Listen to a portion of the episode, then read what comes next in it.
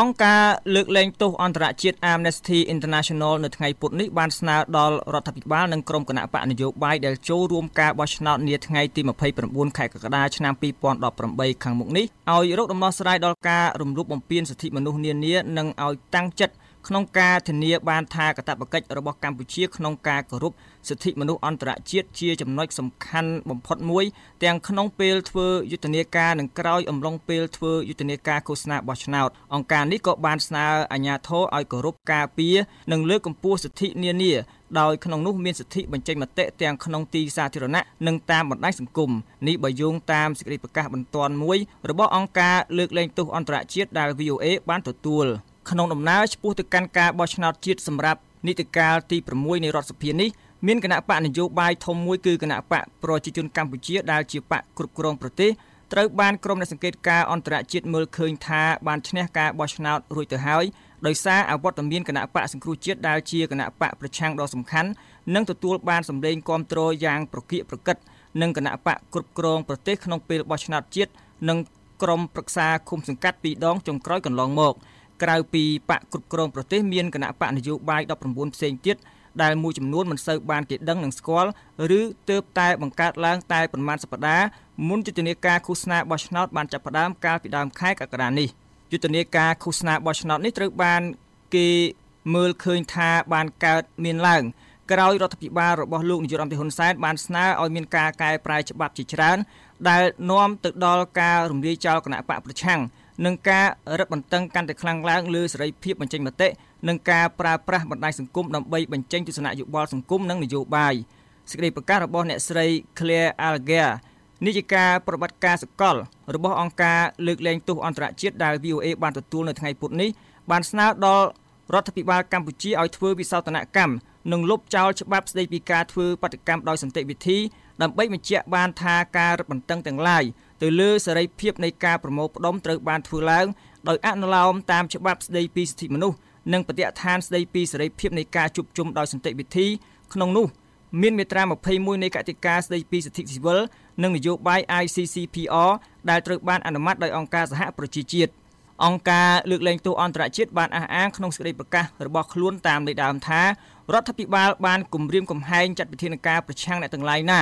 ដែលអំពាវនាវញុះញង់និងរារាំងពលរដ្ឋមិនឲ្យបោះឆ្នោតក្រោយគណៈបកប្រឆាំងដែលត្រូវបានគេហាមឃាត់នោះអំពាវនាវឲ្យធ្វើពហិការការបោះឆ្នោតដែលគណៈបកកណ្ដាលអំណាចអះអាងថាជាការញុះញង់ដើម្បីធ្វើរាំងស្ទះដល់ការបោះឆ្នោតជាងនេះទៅទៀតទោះបីសេរីភាពនៃការជួបជុំដោយសន្តិវិធីត្រូវបានធានាដោយរដ្ឋធម្មនុញ្ញយ៉ាងណាក្តីក៏សកម្មជននិងអ្នកការពារសិទ្ធិមនុស្ស ដែលចូលរួមក្នុងការជួបជុំដោយសន្តិវិធីនោះបានប្រឈមនឹងការធ្វើកិច្ចអន្តរាគមន៍ការចាប់ខ្លួននិងអំពើហិង្សាពីប៉ូលីសនិងក្រុមអាជ្ញាធរដែលមិនស្ថិតក្រោមច្បាប់ផ្សេងទៀត សេចក្តីប្រកាសរបស់អង្គការលើកលែងទោសអន្តរជាតិចុះថ្ងៃទី25ខែកក្កដាឆ្នាំ2018នេះបានស្នើឲ្យបង្កើតបទបញ្ញត្តិនិងចេញនូវបទបញ្ញត្តិលម្អិតដែលកំពុងអនុវត្តដើម្បីរៀបចំក្រមប្រតិបត្តិនៃការប្រើប្រាស់កម្លាំងដោយអ្នកអនុវត្តច្បាប់ឲ្យអនុលោមតាមគោលការណ៍មូលដ្ឋានរបស់អង្គការសហប្រជាជាតិស្តីពីការប្រើប្រាស់កម្លាំងនិងកំភ្លើងដោយមន្ត្រីអនុវត្តច្បាប់និងបទដ្ឋានច្បាប់សិទ្ធិមនុស្សអន្តរជាតិផ្សេងទៀតអង្គការលើកលែងទោសអន្តរជាតិបានស្នើរដ្ឋាភិបាលនិងគណៈបកនយោបាយឲ្យបញ្ចប់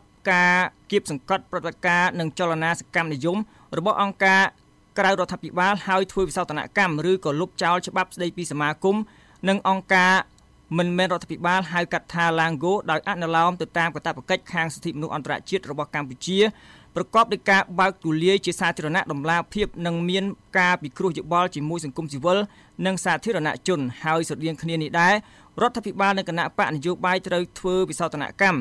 ឬក៏លុបចោលច្បាប់ស្តីពីគណៈបកនយោបាយនិងច្បាប់ស្តីពីសហជីពដើម្បីធ្វើឲ្យច្បាប់ទាំងនោះស្របតាមច្បាប់សិទ្ធិមនុស្សអន្តរជាតិនិងច្បាប់ការងារលោកសុអេសានអ្នកនាំពាក្យគណៈបកកណ្ដាលអំណាចប្រតិកម្មតបទៅនឹងការរិះគន់និងការផ្ដល់អនុសាសន៍ទាំងអំបាលម៉ានរបស់អង្គការលើកលែងទោសអន្តរជាតិថាកម្ពុជាមិនបានរដ្ឋបិទសិទ្ធិពលរដ្ឋនោះឡើយនិងចោទថាអង្គការនេះមិនយល់ពីស្ថានភាពជាក់ស្ដែងរបស់កម្ពុជាដោយហេតុតែបានស្វែងយល់ពីស្ថានភាពសិទ្ធិមនុស្សកម្ពុជាតាមតែរបាយការណ៍ប៉ុណ្ណោះ រាជរដ្ឋាភិបាលមានតែការគិតគូរលើកកម្ពស់សិទ្ធិមនុស្សនៅកម្ពុជាលើកកម្ពស់លទ្ធិប្រជាធិបតេយ្យនៅកម្ពុជាលើកកម្ពស់សិទ្ធិសេរីភាពរបស់ប្រជាពលរដ្ឋដើម្បីឲ្យលោកទៅបំពេញករណីយកិច្ចនិងកាតព្វកិច្ចរបស់ពលរដ្ឋនៅក្នុងការបោះឆ្នោតការព្រួយបារម្ភរបស់គាត់វាក៏ជាការសម្ដែងមតិមួយដែលចង់ឲ្យគេមើលឃើញពីខាងក្រៅមកថាសភាពការកម្ពុជាវាមិនល្អបាទ លោកសាមអ៊ិនអគ្គលេខាធិការនិងជាអ្នកនាំពាក្យគណៈបកប្រជាធិបតេយ្យមូលដ្ឋានទទួលស្គាល់ថាមានការរដ្ឋបិទសិទ្ធិពលរដ្ឋហើយលំហប្រជាធិបតេយ្យក៏បានរួញតូចនៅពេលមានការគៀបសង្កត់លើប្រព័ន្ធផ្សព្វផ្សាយឯករាជ្យសង្គមស៊ីវិលការចាប់ខ្លួនអ្នកការពារសិទ្ធិមនុស្សហើយស្ថានភាពសេរីភាពពលរដ្ឋបានធ្លាក់ចុះកាន់តែយ៉ាប់យ៉ឺនទៅក្រោយការរំលាយចោលគណៈបកប្រឆាំងលោកថាបកនយោបាយនិងសង្គមស៊ីវិលផ្សេងទៀតមានទូនាទីចម្បងក្នុងការស្ដារឡើងវិញនៃស្ថានភាពអាក្រក់នេះ យើងស្វាគមន៍ចំពោះការព្រួយបារម្ភនៅនឹងការលើកឡើងរបស់គាត់ហ្នឹងហើយគណៈបព្វជិតតែមូលដ្ឋានរបស់យើងហ្នឹងគឺយើងតស៊ូប្រយុទ្ធហ្នឹងគឺដើម្បីមកចំណែកគឺការលើកស្ទួយសិទ្ធិមនុស្សឡើងវិញលើកស្ទួយសេរីភាពចេញមតិជាពិសេសសេរីភាពក្នុងការចូលរួមក្នុងវិស័យនយោបាយហ្នឹងហើយ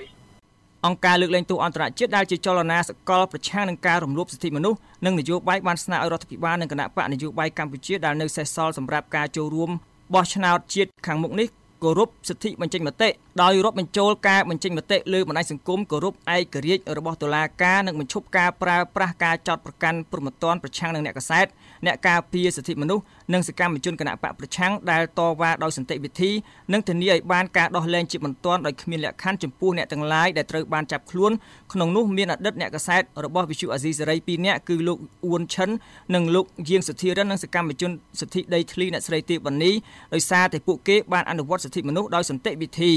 ក៏ប៉ុន្តែលោកសុអេសានថ្លែងថាការដោះលែងអ្នកជាប់ពន្ធនាគារទាំងអស់នោះនឹងក្លាយជាការកសាងវប្បធម៌នីតិរដ្ឋភាពនៅកម្ពុជាលោកអះអាងថាមានតែការតស៊ូខាងច្បាប់ទេទើបអាចធ្វើឲ្យអ្នកទាំងនោះទទួលបានសេរីភាពឡើងវិញ បញ្ហាសំខាន់គឺអ្នកណាដែលប្រព្រឹត្តល្មើសច្បាប់អ្នកនោះត្រូវទទួលខុសត្រូវចំពោះមុខច្បាប់ស្របទៅតាមគោលការណ៍ដែលយើងកំពុងតែអនុវត្តយ៉ាងខ្ជាប់ខ្ជួននៅគោលការណ៍លទ្ធិប្រជាធិបតេយ្យនិងនីតិរដ្ឋនៅកម្ពុជា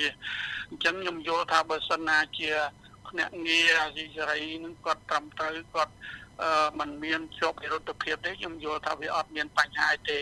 សម្រាប់លោកសាមអ៊ិនមិនយល់ស្របនឹងការអធិប្បាយរបស់អ្នកនាំពាក្យគណៈបកកណ្ដាលអំណាចទេលោកថាប្រសិនបើគណៈបកប្រជាធិបតេយ្យមូលដ្ឋានទទួលបានការទុកចិត្តពីប្រជាពលរដ្ឋឲ្យបានរហូតដល់ដឹកនាំប្រទេសនោះសិទ្ធិនិងសេរីភាពសពបែបយ៉ាងដែលបានបាត់បង់ទៅក្នុងរដ្ឋាភិបាលចាស់នឹងបានវិលមកវិញសម្រាប់ប្រជារាស្ត្រខ្មែរគ្រប់រូបលោកមានប្រសាសន៍ថាហើយប្រសិនបើយើងមានឱកាសឈ្នះឆ្នោតដឹកនាំរដ្ឋាភិបាលតែម្ដងអានឹងវាងាយស្រួលទេយើងនឹងផ្ដល់សិទ្ធិសេរីភាពពេញលេញទៅឲ្យអ្នកទោសនយោបាយទាំងអស់ រួមមានលោកកឹមសុខាលោកវិជ្ជមានសវណ្ណរាអ្នកទោសអ្នកស្ការផ្សេងទៀតកម្មជនដីធ្លីអ្នកស្រីទេវនីទៅដើមនោះគឺដោះលែងឲ្យគាត់មានសិទ្ធិសេរីភាពឡើងវិញលោកបានបន្ថែមថាសិទ្ធិពេញលេញផ្នែកនយោបាយក៏នឹងត្រូវបានផ្ដល់ជូនទៅអតីតសមាជិកគណៈបកសង្គ្រោះជាតិ118នាក់ឡើងវិញផងដែរប្រសិនបើគណៈបកលោកបានដឹកនាំរដ្ឋាភិបាលក្រុមអង្គការសិទ្ធិមនុស្សអន្តរជាតិផ្សេងទៀតដែលបានឃ្លាំមើលការរៀបចំការបោះឆ្នោតជាតិលើកទី6ដែលមិនមាន បកដែលអាចប្រជែងនឹងគណៈបកប្រជាជនកម្ពុជានោះក៏បានផ្ដើមកិច្ចពិភាក្សាអំពីការបោះឆ្នោតដ៏ចម្រូងចម្រាសនេះផងដែរកាលពីថ្ងៃអង្គារលោក Phil Robertson នាយករងអង្គការឃ្លាំមើលសិទ្ធិមនុស្ស Human Rights Watch ប្រចាំតំបន់អាស៊ីបានថ្លែងក្នុងវេទិកាពិភាក្សាមួយធ្វើឡើងនៅក្នុងទីក្រុងបាងកកប្រទេសថៃស្ដីពីការបោះឆ្នោតនៅកម្ពុជាថាប្រទេសប្រជាធិបតេយ្យជាច្រើនរួមមានសហរដ្ឋអាមេរិកនិងសហភាពអឺរ៉ុបបានដកការគាំទ្រខ្លួនពីការបោះឆ្នោតនាចុងខែកក្កដានេះ លោកថាការបោះឆ្នោតលើកនេះនឹងមិនតំណាងឲ្យការអនុវត្តសិទ្ធិនយោបាយតាមប្រព័ន្ធប្រជាធិបតេយ្យនោះទេតែជាការធ្វើពិធីបុណ្យសពចុងក្រោយឲ្យលទ្ធិប្រជាធិបតេយ្យនៅកម្ពុជាទៅវិញលោកត្រូវបានគេឃើញនិយាយក្នុងវីដេអូមួយដែលបង្ហោះបន្តផ្ទាល់នៅលើទំព័រ Facebook របស់ក្រុមសមាជិកសភាអាស៊ានដើម្បីសិទ្ធិមនុស្សថា so for those of you who are going over to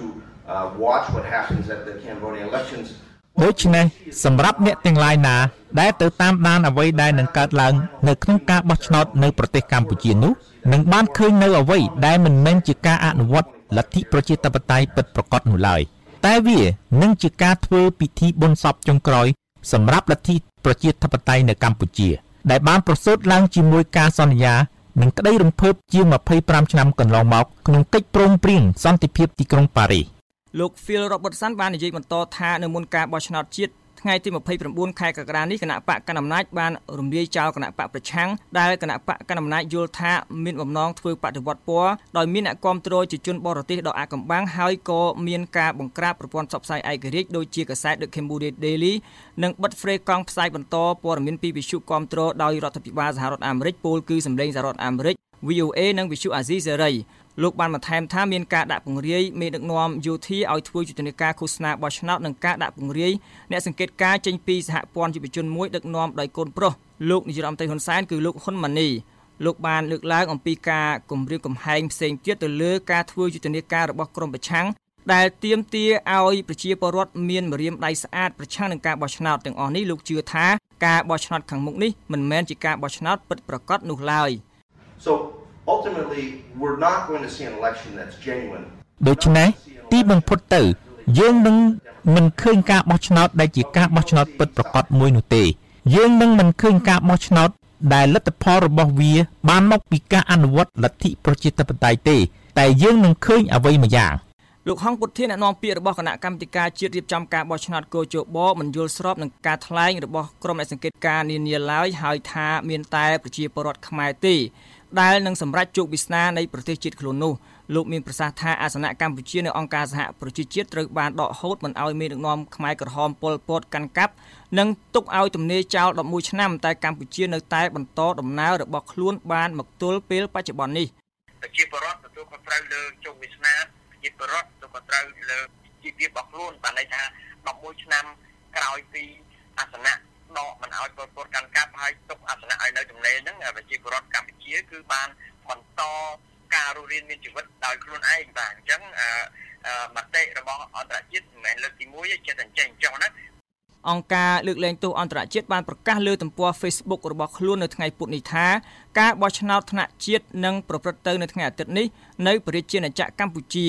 យើងសូមយកឱកាសនេះ ដើម្បីធ្វើការរំលឹកដល់រដ្ឋាភិបាលថាខ្លួនត្រូវតែការពារសិទ្ធិមនុស្សរបស់ប្រជាជនកម្ពុជា នៅក្នុងអំឡុងពេលព្រឹត្តិការណ៍ប្រវត្តិសាស្ត្រមួយនេះសិទ្ធិមនុស្សមួយក្នុងចំណោមសិទ្ធិមនុស្សសំខាន់សំខាន់បំផុត គឺសិទ្ធិក្នុងការបញ្ចេញមតិដោយគ្មានការភ័យខ្លាចអំពីផលវិបាកនៃការបញ្ចេញមតិរបស់ខ្លួនរាយការណ៍ពីរាជធានីភ្នំពេញខ្ញុំហុលរស្មី VOA